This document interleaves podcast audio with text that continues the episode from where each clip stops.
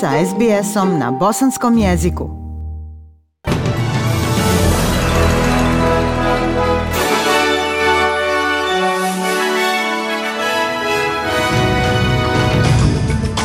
U današnjim vijestima poslušajte. Viktorija otkriva ekonomske podsticaje za vraćanje Melburna u život. Skoro 100 mrtvih nakon eksplozije cisterne za gorivo u Sierra Leoneu i potpuno vakcinisana žena u Novom Južnom Belsu postala milionerka u pobjedi u kampanji vakcina za milion dolara. Slušate vijesti SBS radija na bosanskom jeziku. Predstavljen je paket od 44 miliona dolara za revitalizaciju poslovnog dijela Melburna, dok se radnici i posjetioci vraćaju nakon lockdowna. To će pružiti niz inicijativa za vraćanje centra grada u život, uključujući šemu rabata za obroke sredinom sedmice od 5 miliona dolara. Od 15. novembra gosti će moći tražiti 30% svojih računa do 150 dolara između ponedjeljka i četvrtka svake nedjelje. Premijer Daniel Andrews kaže da se radi o vraćanju ljudi i posjetilaca u grad. This is one of the great cities of the world. Ovo je jedan od najvećih gradova na svijetu, to je svakako najživopisniji, najdinamičniji, najbolji grad u našoj zemlji pred kojim je dug put, ali šteta je napravljena, postoje rane koje treba zacijeliti. Došlo je do promjena, moramo pokušati prihvatiti neke od njih, vratiti se u normalu, vratiti se toj živahnoj kulturi hrane, vina i kafe. Viktorija je zabilježila 1173 nova slučaja COVID-19 i 9 smrtnih slučajeva. Umeđu vremenu se nastavlja zabrinutost zbog novog broja slučajeva COVID-19 koji su otkriveni u regionalnom Novom Južnom Velsu. Država je zabilježila 244 nova nova slučaja i jedan smrtni. Najnoviji podaci dolaze dok demonstranti protiv vakcinacije kažu da će se nastaviti vraćati na ulice Melburna svake sedmice dok se njihovi zahtjevi ne ispune. Protesti su održani i u Sidneju. Ministar zdravstva Novog Južnog Velsa Brad Hazard kaže da je frustriran. Moja poruka ljudima koji žele izaći demonstrirati je da je prilično opasno izaći tamo demonstrirati kada znamo da se ovaj virus izuzetno dugo prenosi i da možete na kraju postati žrtva. To je prilično sebično, moramo reći, ako se ne vakcinišete, osim ako nemate medicinsko opravdanje. Potpuno vakcinisana žena u Novom Južnom Velsu postala je milionerka nakon pobjede u kampanji vakcinacije od milion dolara. Joan Zhu proglašena je pobjednicom glavne nagrade, pokupivši milion dolara samo za vakcinu protiv COVID-19. Bila je jedna od skoro 2,75 miliona australaca koji su se registrovali za svoju šansu da pobjede. Gospođa Zhu kaže da ne može vjerovati. Someone called me Neko me je nazvao, rekao da sam osvojila milion dolara. Ja sam odgovorila, pa do, dobili ste pogrešnu osobu.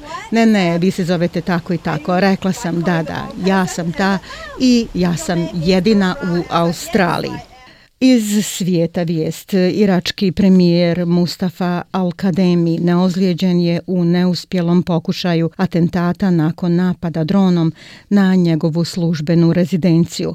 Ranije su dva sigurnosna izvora potvrdila napad koji uslijedio kada je nekoliko stotina pristalica proiranskih grupa protestovalo blizu ulaza u zelenu zonu protiv rezultata opštih izbora 10. oktobra. Nestao je plivač kojeg su možda napale brojne ajkule na plaži u Pertu i njegovo pronalaženje je u toku. Službe hitne pomoći nastavljaju potragu za 57-godišnjim muškarcem nakon što su dva tineđera na čamcu vidjela napad ajkule u Port Beachu u sjevernom Fremantlu jučer ujutru.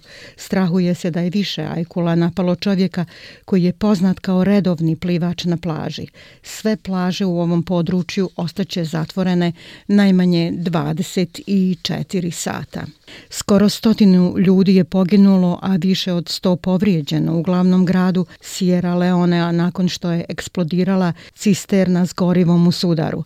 Među žrtvama su i ljudi koji su se okupili da pokupe gorivo koje je curilo iz puknutog vozila. To se opisuje kao nacionalna katastrofa, a vlada kaže da će povrijeđeni dobiti besplatnu medicinsku pomoć. Šef Državne agencije za upravljanje katastrofama Brima Bure Sesi opisuje scenu. Imamo toliko žrtava. Razgovarao sam s komadantom Združenih snaga i on šalje kamione.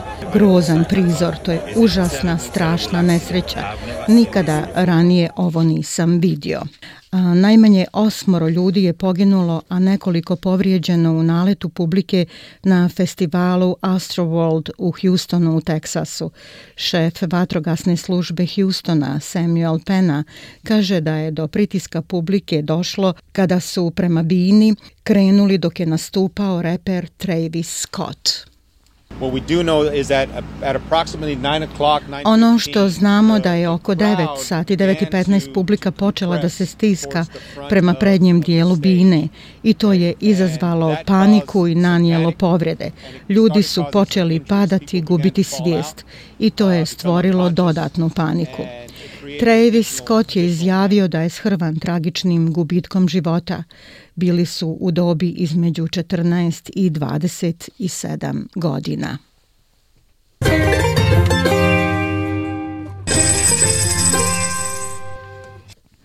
Prema kursnoj listi australski dolar danas vrijedi 0,73 američkog dolara, 0,63 eura, 0,54 britanske funte te 1,25 bosanske konvertibilne marke.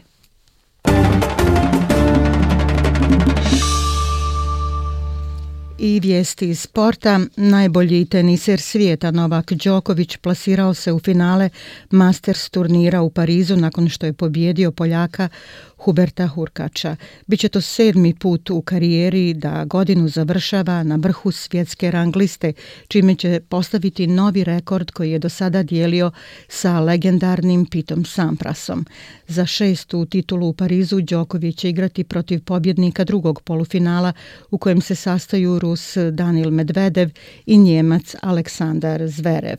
A bosansko-hercegovačka plivačka zvijezda Lana Pudar osvojila je šesto mjesto u finalu discipline 100 metara delfin na evropskom prvenstvu u malim bazenima koje se održava u ruskom kazanju.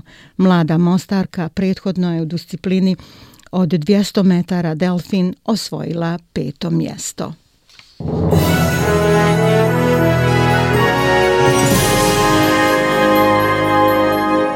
I na kraju poslušajte temperaturne vrijednosti za veće gradove u Australiji. U Pertu 25, Adelaidu oblačno 20, u Melbourneu također oblačno 17, u Hobartu 16, u Sidneju 28, Brisbaneu 28 i u Darwinu 34 stepena Celzijusa.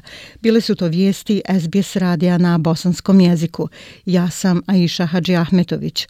Ostanite uz naš program.